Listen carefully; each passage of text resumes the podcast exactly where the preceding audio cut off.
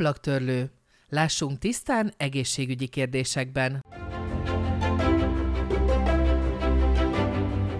Orvosi leletek, ijesztő terápiák és azok mellékhatásai, a testjelzései, védőoltások, szexuális felvilágosítás, fogyókúrás kérdések, szerek és gyógyszerek. Az egészségügyi témák tárháza kifogyhatatlan. Egyedül eltévednénk, de dr. Szalai Krisztián segít.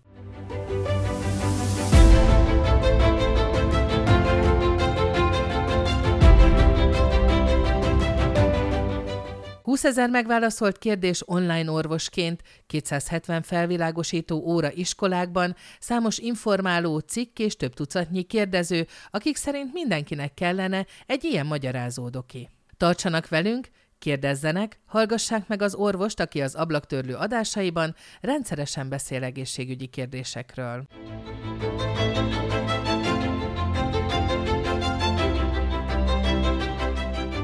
Dr. Szalai Krisztián állandó kérdezője az ön hangja. Bagó Tünde blogger, akinek fontos a saját maga és családja egészsége, és nem habozik mindenre rákérdezni a tisztánlátás érdekében. Hamarosan kezdünk, dőljenek hátra és figyeljék, ahogy az ablaktörlő tisztára mossa önök előtt a szélvédőt.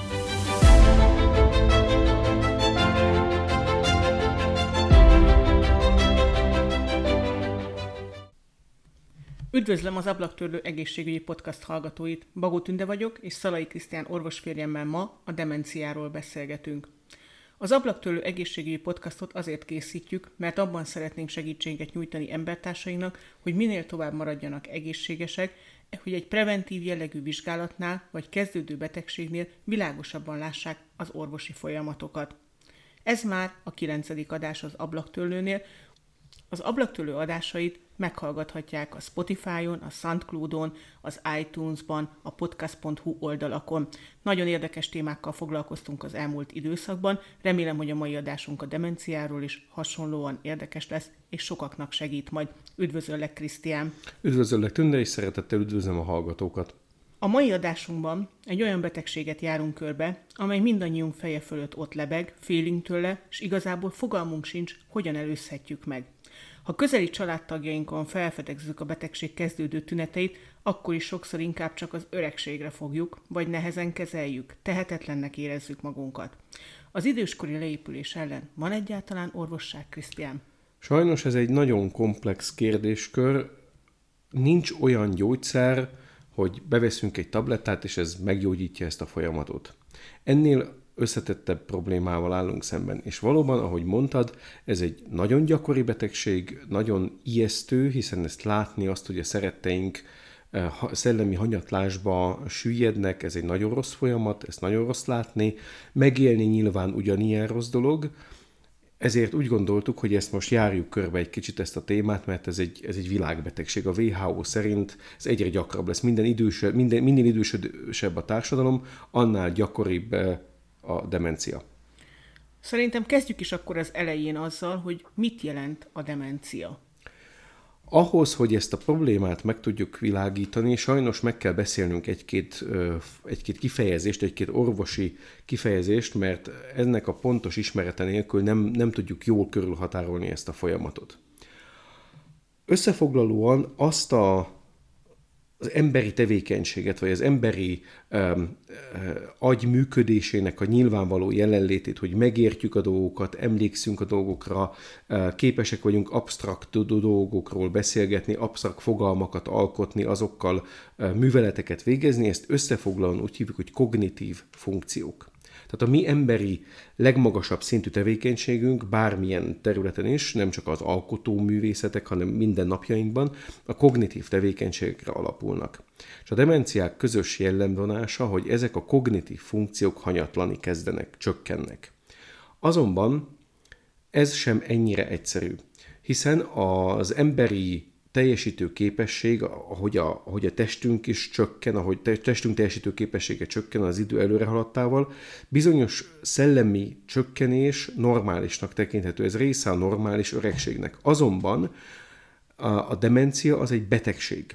Tehát ott már nem arról van szó, hogy idős korára az ember egy kicsit kevésbé lesz aktív, hanem egy, egy korfolyamat rombolja az agyállományt, rombolja a, a, az agyszövet összességét tulajdonképpen, és emiatt a kognitív funkciók hanyatlani fognak. Esetleg tudnál példákat mondani arra, hogy hogy miben jelentkezik ez a demencia? Igen, a, a demencia az egy gyűjtőfogalom. A közös jellemvonások, ez a kognitív funkció csökkenés, mindjárt mondom, viszont tudni kell, hogy nagyon sok eltérő folyamat tud demenciát okozni, illetve eltérő okok állhatnak a klinikailag azonosnak tűnő betegség, betegek között. Néhány példa arra, hogy mik a kognitív funkcióhanyatlásai hétköznapi dolgokra kell itt gondolni, emlékezetzavar, nem emlékszünk a közelmúlt eseményekre, tehát az úgynevezett rövidtávú memória csökkenése. Ugye a rövidtávú memória, ezt nagyon jól lehet vizsgálni, hogy mondunk a betegnek három-négy szót, és kérünk, kérjük, hogy három perc szóval ismételje meg. És nem tudja nem jutnak eszébe ezek a dolgok. Az, hogy 20 évvel ezelőtt milyen volt a munkahelye, vagy milyen kollégái voltak, arra emlékszik. Tehát ez a hosszú távú emlékezet eleinte nem károsodik. A másik ilyen folyamat például az, hogy a beszéd készség csökken, a beszédnek a folyamatossága, a választékossága, a szótalálási képességek, tehát hogy eszünkbe jut, hogy hogy is hívják azt a dolgot. Ez, ez tud károsodni nagyon. Azért mondjuk a fiatalabb korban még nem kell feltétlenül meg, megijedni attól, ha nem találjuk a szavakat, nem találjuk a megfelelő szavakat. Természetesen itt ez, ez nem a fogalmazás jelentőséget, nem a szép beszédre gondolok, hanem hogy nem tudja megmondani a beteg azt, amiből isszuk a kávét, azt kávéscsészének hívjuk. Tehát vagy nem, nem ismeri föl. Ugye ez a másik ilyen, ezt úgy, úgy is hívják ezt, hogy, hogy agnózia, ez a jelenség, tehát agnóziának hívják azt, amikor uh, normális érzékszervek birtokában, tehát egészségesen működő látás, hallás, stb. nem tud megnevezni okat. Tehát például rámutatunk, felmutatunk neki egy a kávéscsészét, ha ennél maradjunk, és nem, nem tudja, hogy mi az. Tehát tudja, hogy igen, abból ott isszuk azt a kávé, de hogy azt, azt ott kávéscsészének hívjuk, ez nem jut eszébe. Ez például egy klasszikus agnózia és afázia problématika. De a, a másik, amit nagyon szeretnék már itt a beszélgetés elején kihangsúlyozni, hogy a demenciák, tehát a szellemi kognitív funkciók betegség okozta állandóan sőt időnként gyorsuló hanyatlása, ez nem keverendő össze egy másik korfolyamattal, amit delíriumnak hívunk. Ezt azért fontos mege- megemlíteni, mert a delírium és a demencia, hogyha csak ránézünk valakire, a két állapotban lévő betegre, akkor nagyon hasonlóak tudnak lenni, viszont a delíriumot mindig valami rövid távú hatás váltja ki, ugye a klasszikus, minden, hát sok ember által ismert, ugye az alkoholos delírium, tehát amikor valaki ö, ö, ittas állapotban van. Ez egy klasszikus delírium. Ez kiváltja egy, egy toxikus anyag, itt jelen az alkohol, vagy akár egy kábítószer, tehát bármilyen egyéb tényező, és ez aztán elmúlik.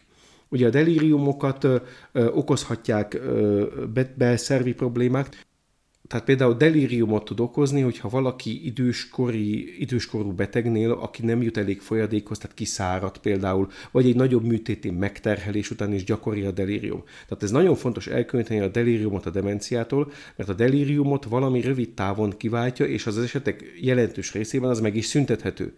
Ezzel szemben a demencia az egy előre haladó folyamat, amit jelen orvosi tudásunk szerint nem lehet meggyógyítani, csupán lassítani. Ugye még az elején említetted, hogy egyre gyakoribb, egyre több embernél tapasztalják azt, hogy demensé válik.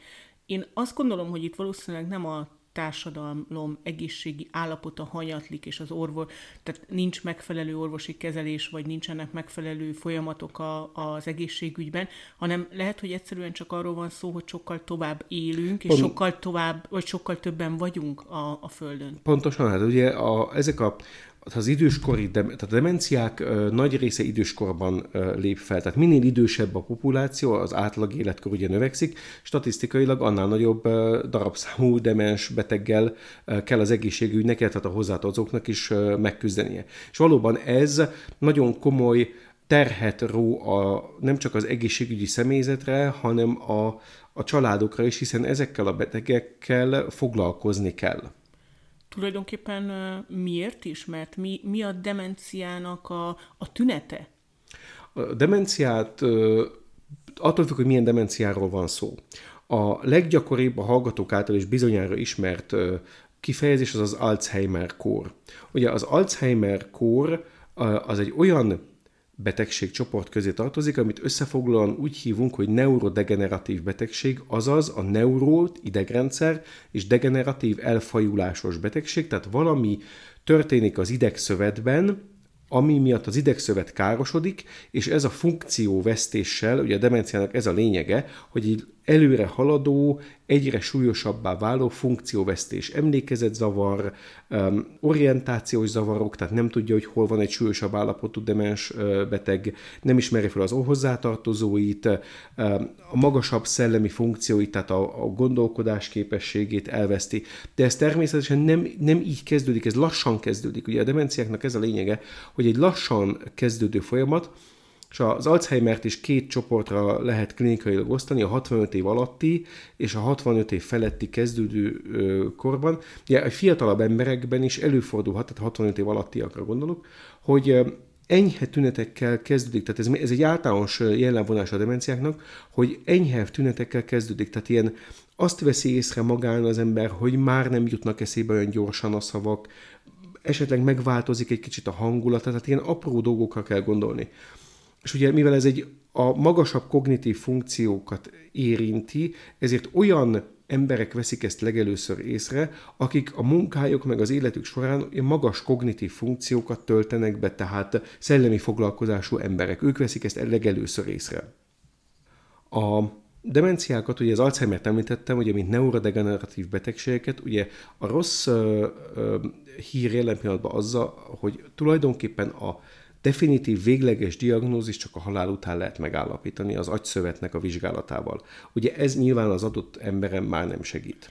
Itt egy pillanatra azért megállnék, ugye azt mondod, hogy csak a halál után lehet megállapítani, de ugyanakkor azért Beszéltünk arról pont az előző podcastunkban, az elmúlt adásban, amikor a radiológiáról beszélgettünk egy radiológus orvossal, hogy azért ezek a képalkotó módszerek, mint az MR, kiválóan alkalmasak arra, hogy azokat az agyi elváltozásokat, amelyek esetleg betegségek során kialakulhatnak, kimutassák. Akkor pont a demenciáról nem tudnak ilyen, vagy a demenciának nincsenek ilyen jelei az agyban, amelyet mondjuk egy MR készülék kimutathat? kihasználom az alkalmat ezen a kérdéssel, hogy egy kicsit ezt, ezt megvilágítsuk, hogy a demencia és demencia között különbségek vannak. A neurodegeneratív betegségek, mint például az Alzheimer, ott az a lényege a betegségnek, hogy az agyszövetben, az idegsejtekben valamilyen elfajuló kóros folyamat zajlik. Ennek a finom jeleit emerre nagyon korai stádiumban még nem lehet észrevenni. Az Alzheimernek az a jellegzetessége, és ez egy, ez, ez egy nagyon fontos kutatási területet ad manapság, és ez intenzíven kutatják is ezt a, ezt a betegséget, hogy egy, nagy, egy kóros fehérje, amiloid fehérjének hívják ezt, annak az egyik típusa, épül be, vagy halmozódik föl az agyszövetben. És az amiloid fehérje, ennek több fajtája van. Az amiloid lerakódás az egy, az egy viszonylag gyakori betegség, tehát sok, sok betegségben látunk ilyet, sok fajta betegségben. Ennek az egyik típusa az Alzheimer, és ott az a lényeg, hogy ezek a kis kóros fehérje csomagok lerakódnak az idegsejtekben, illetve az idegszövetben. Ez azt azért egy jelentős dolog ezt tudni, hogy, hogy, hogy ez, ez, ez kiderült ez a dolog, mert egyre több gyógyszer jelenik meg, vagy fog a közeljövőben megjelenni, ami ezt az amiloid lerakódást megpróbálja valahogy gátolni. Egyetlen egy gyógyszer van az Egyesült Államokban forgalomban, ez is a tavalyi évben kapta meg a forgalomba hozatali engedélyt, ami ezt a fajta lerakódást tudja gátolni. A probléma az vele, hogy csak nagyon korai stádiumban van értelme használni ezt a gyógyszert. Tehát itt beleütközünk abba a problémakörbe, hogy hogyan tudjuk mi mindennapi emberek eldönteni azt, hogy a feledékenységünk, vagy éppen valami nem jut eszünkbe, ez egy egyszerű kifáradás. Túl sok a stressz, túl sokat dolgoztunk, esetleg valami olyan problémák nyomasztanak, ami, ami gátolja egyáltalán azt, hogy jól működjünk, tehát tulajdonképpen idézőjelben egy normális reakcióról van szó, a normálisat itt úgy értem, hogy nem idegszöveti el, elfajulásról van szó, vagy pedig ez már egy nagyon-nagyon korai stádiuma ennek a betegségnek. És ez tovább bonyolítja ezt a kérdést az, hogy az Alzheimer esetében bizonyos genetikai um, problémákat, genetikai elváltozásokat is fel lehet, fel lehet ismerni, ugyanis az Alzheimeresek jelentős részében családi halmozódás áll fenn. Tehát annak, hogyha valamelyik felmenőnk közeli, tehát anyai, apai ágon első rendű felmenőnk Alzheimeres volt, akkor igen nagy az esélye annak, hogy mi is azok leszünk. Nem száz százalék, de ez elég nagy ez az esély. Ráadásul észrevették, vagy megfigyelték, hogy a 21-es kromoszóma, amit ugye ismernek talán a hallgatók a down core mint 21-es kromoszómával, amikor nem kettő van, hanem három, ugye ez a down core, a Dánkórral kapcsolatban is, a dánkórosokban nagyon gyakori az amiloid beépülése, amiloid fehérjék lerakódása az agyban. Tehát ezt nyilván nem lehet azt kijelenteni, hogy, hogy ha megvizsgálunk minden embernek a 21-es kromoszomáját, hogy ott már ki lehet jelenteni, hogy akkor statisztikailag 20 év múlva ő, ő Alzheimeres lesz, Viszont a kutatások ez irányba mennek, hogy bizonyos genetikai profilokat feltérképezni, de ugye ez elővezetni azt a problémát, hogy jó, akkor szűrjünk le mindenkit, mindenki menjen el egy genetikai vizsgálatra 20 évesen, és akkor akkor mit, mit kezdünk azzal az információval, hogy van rá esély, 65 százalék, csak mondok egy, egy számot, hogy majd 55 éves korában kezdődő Alzheimer lesz. Akkor ezt tekintsük egyfajta önbeteljesítő jóslatnak? Hát, igen, ez, ez, ez a baja ennek, igen, ez veszélyes, ez a túldiagnosztizálás. Igen, ez veszélyes lehet, mert akkor későbbiekben azért az életet is meghatározhatja, és valaki ez szerint éli az életét, akkor akár negatív kimenetele is lehet igen. a dolgoknak. Tehát akkor most már kimondhatjuk, hogy van, vannak azért olyan, olyan demenciák, illetve a demenciának olyan, olyan fajtái, olyan állapotai, inkább azt mondom, ami már kimutatható emerre. Igenis és nem is. Igen azért, mert egy középsúlyos vagy súlyosabb demenciában az októl függetlenül az agyszövetnek a sorvadása, tehát a, a, az agyszövet mennyiségének a csökkenése, Különösen a homloklebenyi kéregben prefrontális kéregnek hívják ezt, hogyha valakit érdekel, ott egy nagyon fontos személyiség szabályzó központok, ha szabad ezt így mondom, ez egy kicsit pontatlan, de, de érthető, helyezkednek el, hiszen egy, egy demencia az mindig személyiségtorzulással is jár. Ezek kimutathatók. De most a kérdésedre azért tudok ilyen hosszan válaszolni, mert bizony van egy másik fajta demencia típus, aminél kis korai jeleket már észre lehet venni. Ezt a demencia formát úgy hívjuk, hogy multi-infarkt demencia. Ugye a multi az itt sokszorosat jelent, az infarkt, az az infarktus, pedig egy szövetnek, orvos értem az infarktus, az egy szövetnek egy körülírt elhalása a nem megfelelő véráramlás miatt. Tehát ha valakinek agyi érelmeszesedése van, és ezek a, legalábbis a nagy agyi erek tehát a nyakunkon lévő karotisznak hívják, ugye a nyaki főütőér, a belső nagy agyi erek, nagyon jól vizsgálhatók, akár ultrahanggal, speciális ultrahanggal, akár úgy hívják, hogy MR angiográfiával, tehát egyfajta radiológiai vizsgálat, ezek remekül vizsgálhatók. Tehát ha valakinek kiderül, hogy valamilyen uh, ilyen érelmeszesedési folyamata van ezeken a főereken, akkor lehet sejteni azt, hogy ezekből a pici kis szűkületekből apró öm, ö, rögdarabkák tudnak leválni, és ezek mikroszkopikus méretű, vagy akár összefolyóan milliméteres nagyságrendű elhalásokat okoznak az agyban. Sok, sok kicsi ilyet. Ezt hívjuk multiinfarktus demenciának. Ilyenkor az MR-rel, tehát képalkotó vizsgálatokkal ez már látszik, és ebbe az a egy picivel kedvezőbb, hogyha ha erről van szó, akkor egy kardiológiai vizsgálat ki lehet zárni bizonyos betegségeket. Tehát ezen a multiinfarktusos demencián, tehát ami már elpusztult, azt nagyon nehéz visszahozni.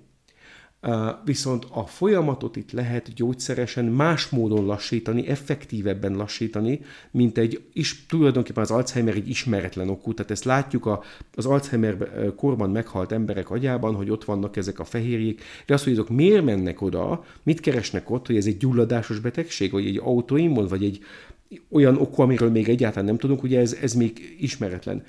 Egy multiinfarktusos demenciánál, hogyha látjuk, hogy valakinek van egy szívbillentyű problémája, egy, egy szívbelhártya gyulladása, amin ott vannak a rögök, és az mikroszkopikus méretű embóliákat, tehát leszóródásokat okoz az agyba, amikor ott elzárnak pici agyéreket. Ezt lehet látni, ez egy, ez egy megfogható valami, ezzel lehet küzdeni, lehet vele tenni valamit. Ezért van, ezért a válaszom az, hogy igen, bizonyos demenciákat jól lehet képalkotó vizsgálattal látni a, a jelenlétét, és akkor az, az egy más, más terület, mint egy ismeretlen okú neurodegeneratív betegség.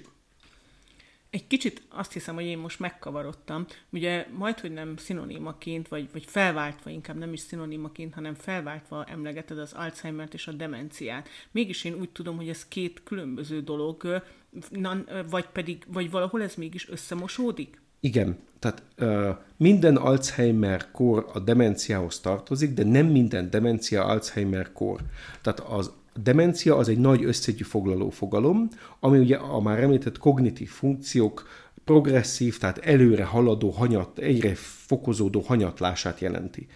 Ez, ez a demencia. Ez, Ennek... így nagyon, ez így nagyon jó, köszönöm, mert ez így most egy kicsit tényleg helyre tette, hogy akkor hova, hova, mit hova soroljunk. Örülök.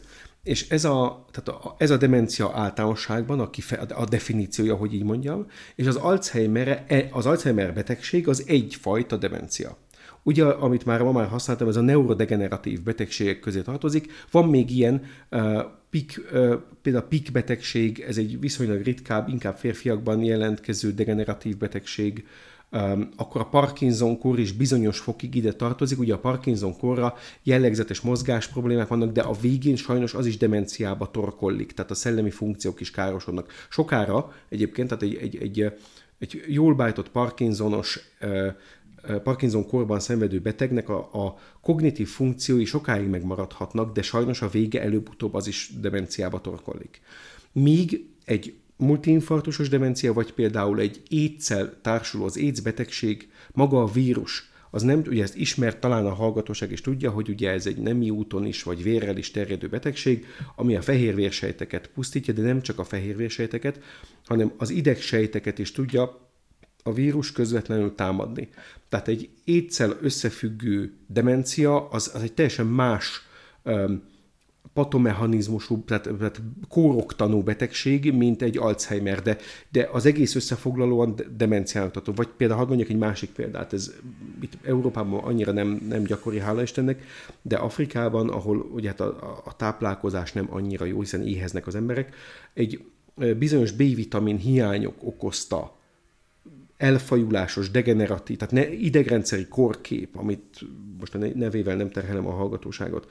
Tehát ez is külsőre demenciának tűnik. Viszont, hogyha adagolni kezdjük a hiányzó B-vitamint, akkor a betegek még előrehaladott állapotban is jelentős javulást tudnak mutatni. Ez mondjuk egy Alzheimer korál, ez sajnos nincsen így.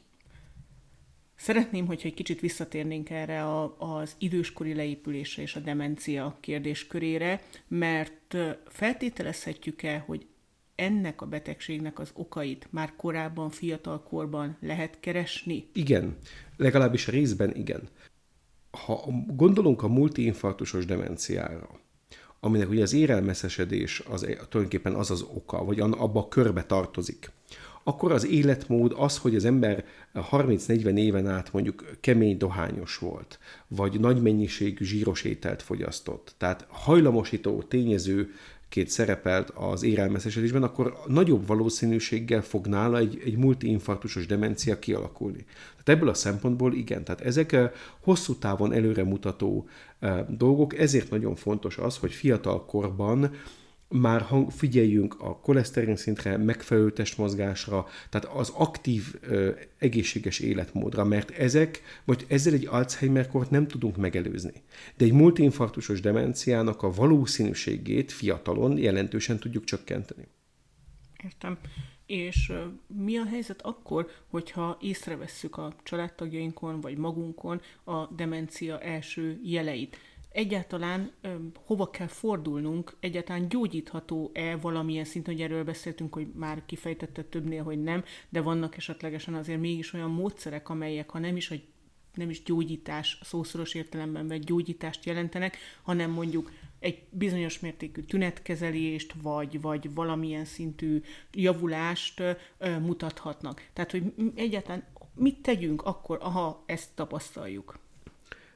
Igen, tehát hogyha azt vesszük észre akár magunkon, akár családtagunkon, hogy a szellemi teljesítő képessége romlik, akkor nagyon-nagyon alaposan ki kell vizsgáltatni a beteget, mert talán a hallgató emlékszik rá az elején, hogy egy, egy delíriumos állapot, vagy egy a demencia között, vagy egy, egy úgy hívjuk még egy szót, hat, hat vezessek be, mert, mert pontosabb a definíció, úgynevezett organikus pszichoszindróma ról lehet. Szóval az organikus pszichoszindróma, az organikus itt az nem azt jelenti, hogy bioboltban vásárolt, hanem azt, hogy valamilyen meglévő, kimutatható ok váltja ki.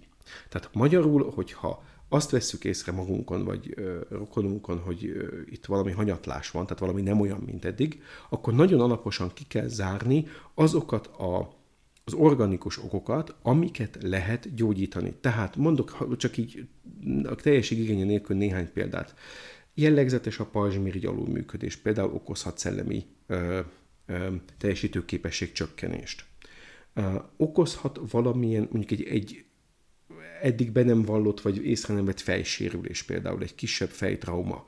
Ugye nagyon jellegzetes például, hogyha valaki egy adott fejsérülést kap, akkor egy kemény burok alatti bevérzést kaphat. Szubdurális hematomának hívják ezt, ami egy lassan szivárgó vérzés agyburkokban, ami nyomja az agyállományt. Tehát ez is ok, például egy, egy, egy romló szellemi teljesítmény hátterében akár egy ilyen is állhat akkor okozhatja ezt valamilyen gyulladásos folyamat. Tehát nagyon sok minden van itt, a hát, lehet a háttérben, amit először ki kell zárni. Tehát ha, ha ezeket mind kizártuk, akkor, és még mi, és nem, nem tudjuk más módon megmagyarázni, hogy itt a szellemi romlás van, akkor ugye felmerül a diagnózisa a demenciának. Tehát ilyenkor azt javaslom, hogy egy nagyon alapos belgyógyászati és pszichiátriai kivizsgálás szükséges, ideértve esetlegesen sebészeti okokat is. Tehát nagyon alapos, tehát a, sajnos hajlamosak vagyunk arra, hogy igen, hát a papa már kicsit meglassult, akkor hát ez már öregszik. Nem, tehát ez nem így van. Tehát igen, az, ugyanis az időskori szellemi teljesítmény csökkenés az tulajdonképpen egy normális folyamat. De ez az nem demencia. Tehát ez egy nagyon fontos ezt elkülöníteni. Igen, tehát hogyha ha ezt még azért példákkal megpróbáljuk elkülöníteni, tehát azt jelenti, hogy mondjuk valaki nem tud már, most csak mondok valamit, olyan gyorsan összeadni, de össze tudja adni, az egyfajta időskori leépülés jele is lehet. Igen. Igaz? Vagy Igen. mondjuk lassabban olvas, mert hát nyilván lassabban olvas, mondjuk azért, hogy minél mm, jobban, vagy nem tudja olyan gyorsan fölfogni esetleg, vagy nem tud olyan gyorsan olvasni már, akkor ez sem feltétlenül egy demencia, Igen. és egy, nem egy, hanem egy, egy normál átlagos Igen. időskori tünet, úgymond, hogy egy picit meglassulunk abban a korban már. Mm, tehát, hogyha ennél többet tapasztalunk, akkor viszont tényleg érdemes utána járni, mert az is lehet, hogyha valami egészen más áll a háttérben, akkor lehet, hogy ez a demencia valamilyen szinten fel is oldható akkor nem demencia. Tehát, hogy akkor nem áll demencia, a háttérben, bocsánat, akkor igen. nem demencia. Igen, igen, igen, igen, ez a lényeg. Tehát, hogyha ha kiderül, hogy valakinek mondjuk B12 hiánya van, a B12 vitamin, a vitaminos podcastban talán a kedves hallgató emlékszik rá, ott azt, ezt részleteztük, a B12 vitamin az a vérképzésen kívül nagyon fontos szerepe van az idegrendszer működésében. Tehát ha valakinek egy krónikus B12 hiánya van, akkor, akkor simán okozhat demencia-szerű szellemi, szellemi hanyatlásos tüneteket.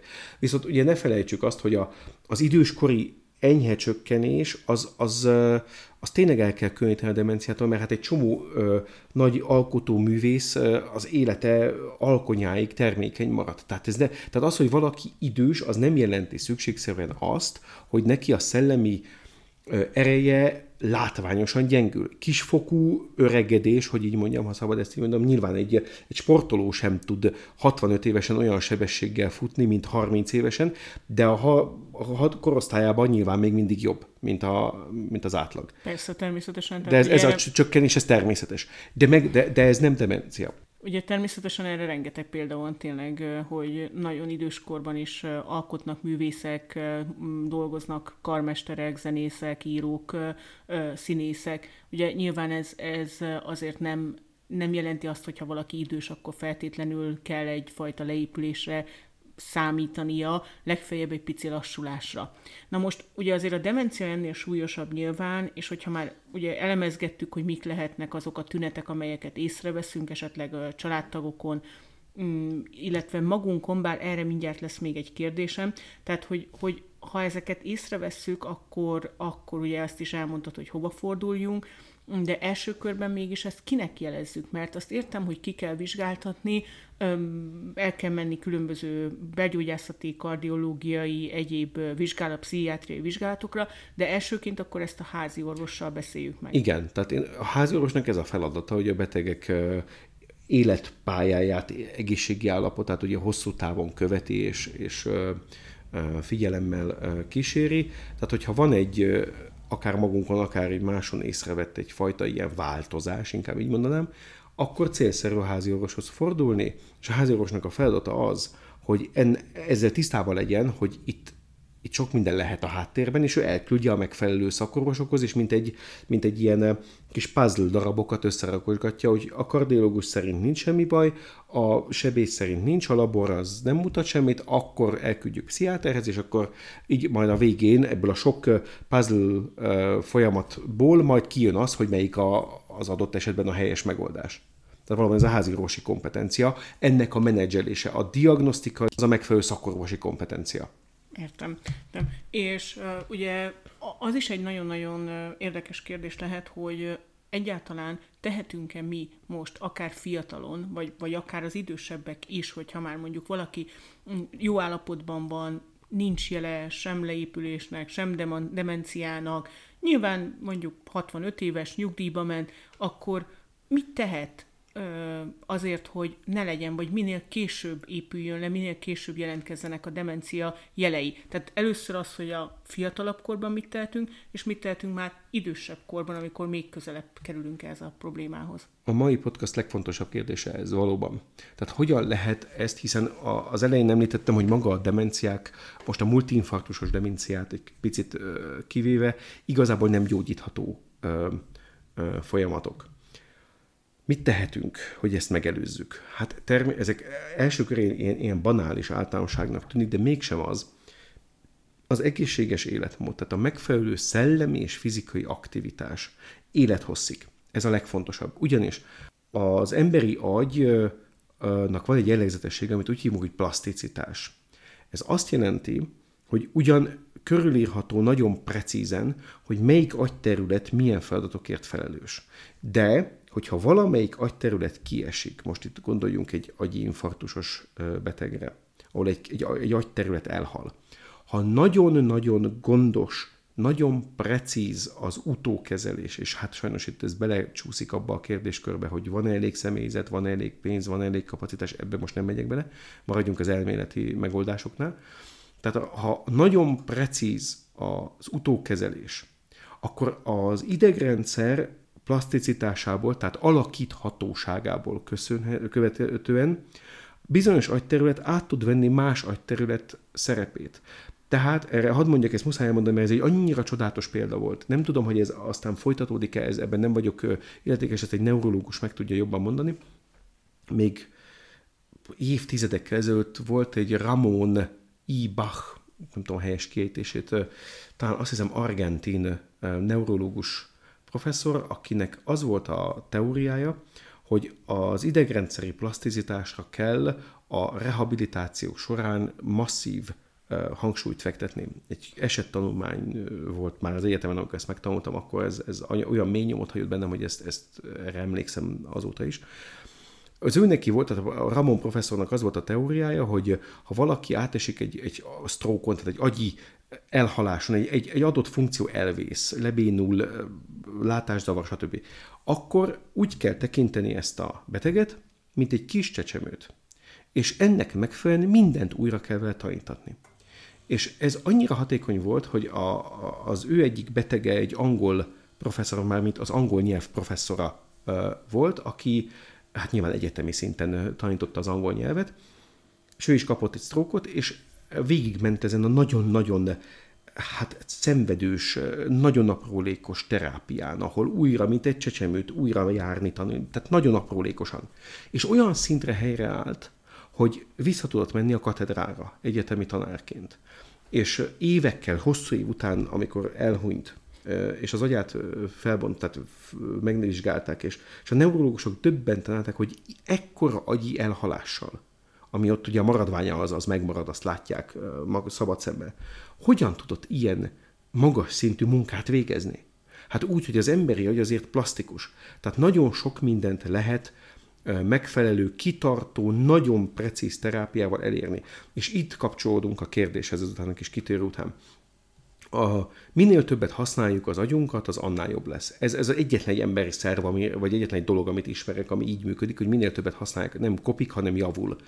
Ezért nagyon-nagyon fontos a fiatalkorban és az aktív szellemi torna, illetve az időskorban kérdezted, elmegy valaki nyugdíjba, kiesik a megszokott pörgésből, most már végre fölépíthetné az Eiffel tornyolt gyufaszából, vagy tehát csinálhatna valamit akar. Igen, nagyon fontos, hogy aktív maradjon. Mert nagyon sok embernél látjuk azt, hogy főleg akik intenzív szellemi munkát végeztek, elmentek nyugdíjba, és ezt abba hagyják, akkor viharosan sebességgel leépülnek. Ja, tehát, tehát nem biztos, hogy mondjuk ezt egy szellemi munkát, aki mondjuk 20-30-40 évig szellemi munkát végzett, azt egy, egy mondjuk egy kapálással, kertészkedéssel elég kiváltani a nyugdíjas Nem. korban, mert mindig arra vágyott, ami egy nagyon, tehát csodálatos dolog, létrehozni egy fantasztikus kertet mondjuk, amire egész életünkben vágytunk. Én is szívesen megteszem majd a nyugdíjas koromban valószínűleg, de emellett azért mindenképpen törekedni kell arra, hogy, hogy az agyát is használja, igen. hasonlóan, mint ahogy az elmúlt évtizedekben. Pontosan, és ez mindenkire, tehát ez, ez minden emberre igaz, hogy a, a, hiszen a, az emberi agy az egy, az egy csodálatos dolog, és itt az, amit ugye rárakódik, itt sokan szokták keverni az intelligenciát a, a, a műveltséggel, tehát ez, ez, ez, ne, ez a két fogalom nem azonos. Tehát egy, egy szerényebb szellemi ismeretekkel rendelkező, mondjuk egy munkás ember, aki 35 éven keresztül hegesztett egyfolytában, tehát egy munk, fizikai munkát végzett, az nem jelenti azt, hogy az ő kognitív funkciói nem jók. Tehát igenis az ilyen embereknek is szüksége van arra, hogy szellemileg elfoglalják magukat. Tehát amíg valaki fiatal, de fizikai munkát végez, akkor is valahogy rá kell magát vennie, vagy hatnia a baráti kör segítségével arra, hogy ne csak sport, ne csak egyszerű szórakoztatások, ne csak foci meccset nézzen valaki, hanem, hanem olvasson, hallgasson zenét, tehát egy, egyfajta olyan szellemi uh, dimenziókba is kényszerítse az agyát, hogy használja, ami a mindennapi életének nem feltétlenül része. Ez nagyon fontos. Ugye itt azért meg kell különböztetni azt, amikor csak nézünk valamit, és amikor gondolkodunk valamiről. Ugye, tehát, hogy ha mondjuk néz, arra gondolok, hogy mondjuk egy filmet, ha nézünk, az nem mindig vált ki gondolkodást sajnos, tehát manapság ugye erre nagyon sok példát tudnánk mondani, de ez egy, ez egy másik podcast témája lenne, hogy milyen egészségügyi ártalmakat okoznak a, a nem elgondolkodtató ö, filmek és, és szórakozási lehetőségek.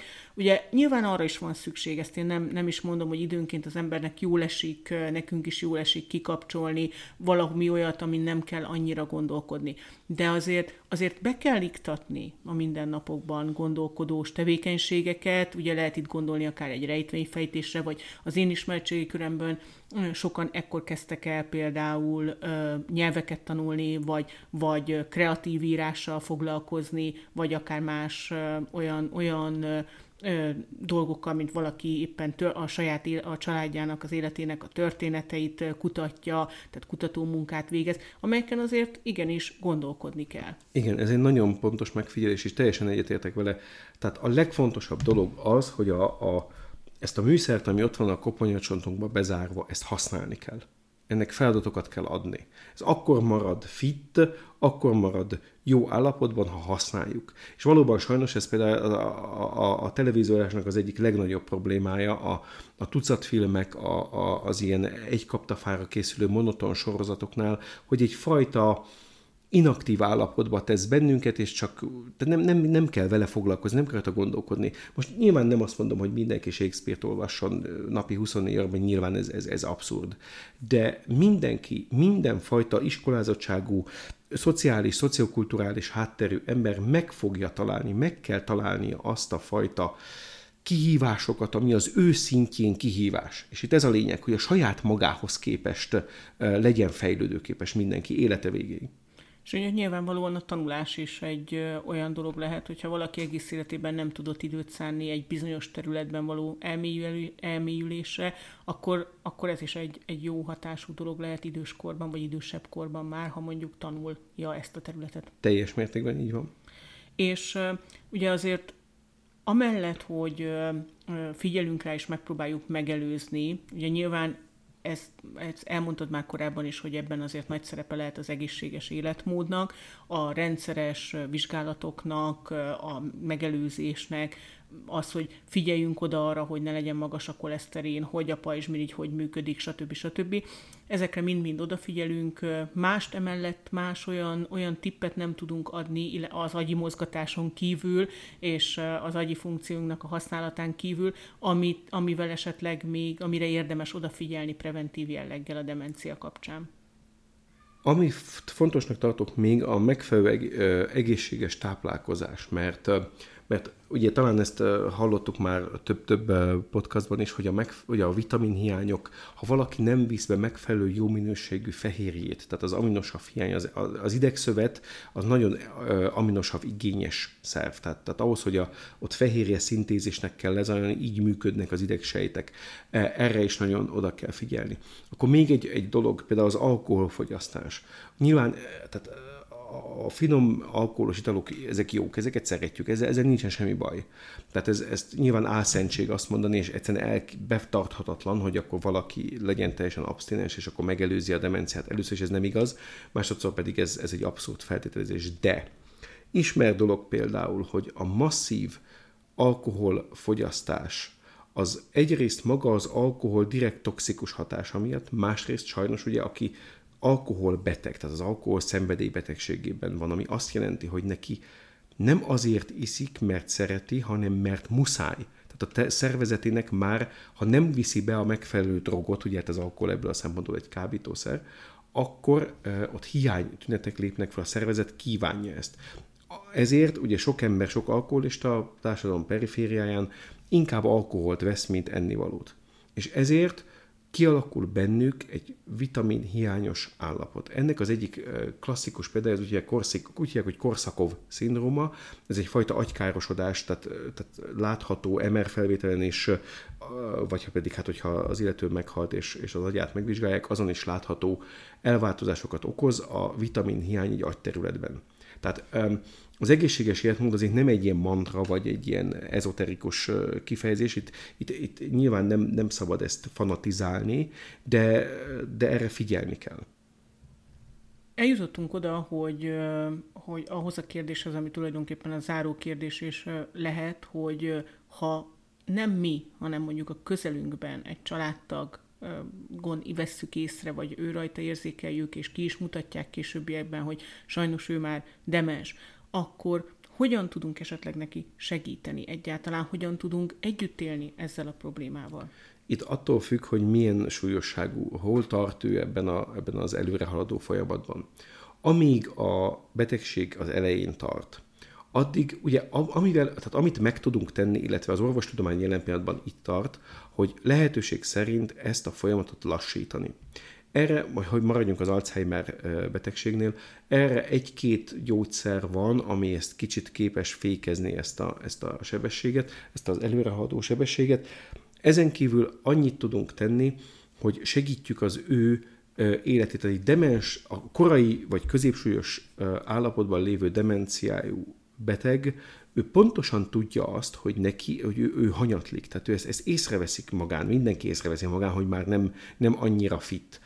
És ezzel ellen próbálnak is küzdeni. Tehát ez egy nagy különbség például egy, egy valódi demencia, és mondjuk egy depresszióhoz társuló úgynevezett pseudo, tehát áll demencia között, ahol a depresszió a betegség, és ennek egy fajta jele, egy érdektelenség, ugye klasszikus, hogy aki, aki depresszív, az nem érdekli semmi, kis nehéz, könnyű feladatot sem foglalkozik vele, mert nem érdekli. Egy demens, egy korai stádiumú vagy középsős demens ember pedig, pedig belátja, hogy igen, itt ez hanyatlik, dolgozzunk kellene, próbálkozik, tehát ez egy nagyon komoly különbség. Tehát igen, mi hozzátartozók annyit tudunk tenni, hogy segítjük őt abban, hogy ezeket a kis idézőjelölt mentális tornagyakorlatokkal segítjük őt azzal, hogy a leépülése lassuljon meg kell teremteni egy olyan környezetet, ahol biztonságban érzi magát, tehát ahol, nem, ahol minden ugyanott van, ahol eddig volt, megtalálja, a e, kis papírokra felírjuk, hogy mi hol van, tehát ilyen kis segítő táblákat, idézőjelesen, nem virtuálisan, értem, segítő mankókat kínálunk neki ahhoz, hogy biztonságban eligazodjon. Foglalkozunk vele, beszélgetünk vele, feladatokat adunk neki, egy, egy ilyen például nagyon egy, egy, egy kedves közeli barátom, édesanyja, ő például imád, ő is ilyen középsúlyos állapotban tart, de imád keresztrejtvényt fejteni. Tehát maga a keresztrejtvény fejtés, mint szellemi kihívás, ugye lassítja ezt a folyamatot. Tehát minden egyes olyan tevékenység, amit egy korai vagy középsúlyos állapotban lévő beteg el tud végezni, az lassítja ezt a folyamatot. Na most előbb-utóbb sajnos ez beletorkollik egy végállapotba. Tehát amikor már a betegek nem kommunikálnak, nem ismerik fel a hozzá tartozóikat, nem ismerik fel a külvilágot, tehát itt már sajnos ezen már nem lehet segíteni, ez előbb-utóbb halálhoz fog vezetni. Bár itt is eltérő az, hogy mennyi ideig tart ez, és ezt, ezt sajnos nem lehet előre megállapítani, hogy egy a végállapotban lecsúszott ember mennyi ideig tud még lélegezni spontán, meg mennyi ideig van szív, szívverése, és hogyha kap vénásan tápanyagot, akkor mennyi ideig tud még egy ilyen vegetatív állapotban létezni. De a, ezen már nem tudunk segíteni. A fő, problém, fő helyzet az, vagy a fő információ az, hogy amíg egy korai vagy középsúlyos állapotban van valaki, addig akár gyógyszeresen, akár pszichoterápiával, kognitív terápiákkal, tehát feladatadással, hogy így mondjam, elnyújtani ezt az időszakot. Értem, tehát akkor mindenképpen azt gondolom, hogy ennek a, az adásnak az lehet a, a végső konklúziója, hogy használjuk az agyunkat fiatalon, idősebben is, és igyekezzünk azért minél többet ezeket a kognitív funkciókat is fejleszteni. Így van, ez a legfontosabb üzenete ennek a beszélgetésnek, hogy az emberi agy az csak akkor működik jól, ha intenzíven használják. Igen. Köszönöm, hogy segítettél tisztázni a demencia körüli időnként igencsak ijesztő kérdéseket. A hallgatóinktól azt kérem, ha tetszett a beszélgetés, akkor iratkozzanak fel az Ablaktőlő Facebook oldalára, itt értesülhetnek a két hét múlva érkező újabb beszélgetésünkről, amelynek azt hiszem, hogy így nyáron különösen aktuális és izgalmas témája lesz, ez pedig a bőrgyógyászat, bőrbetegségek. Újra beszélgető partnerünk lesz egy bőrgyógyász személyében, és ha minden igaz, akkor sikerül élőadásban jelentkeznünk a Facebookon, és természetesen később podcastban is meghallgathatják, ahogy az előző adásainkat is, hiszen ez már a kilencedik ablaktőlő egészségügyi podcast adás volt. Megtalálják a közösségi média felületein a Facebookon, és most már az Instagramon is ott vagyunk. Ott még néha bele is hallgathatnak az adásainkban. Megtalálhatóak a Spotify-on, az iTunes-on, a Soundcloud-on és a podcast.hu oldalon az ablaktőlő egészségügyi podcast felvételei. Valamennyi felületen lehetőségük van a megosztásra, így érhetjük el, hogy minél többen egészségesek maradjunk. Ha elhallgatták az adást, kérem, értékeljék, mert ezzel juthatunk előre ezeken az oldalakon, és juthatunk el minél több emberhez. Viszont hallásra, viszont látásra két hét múlva.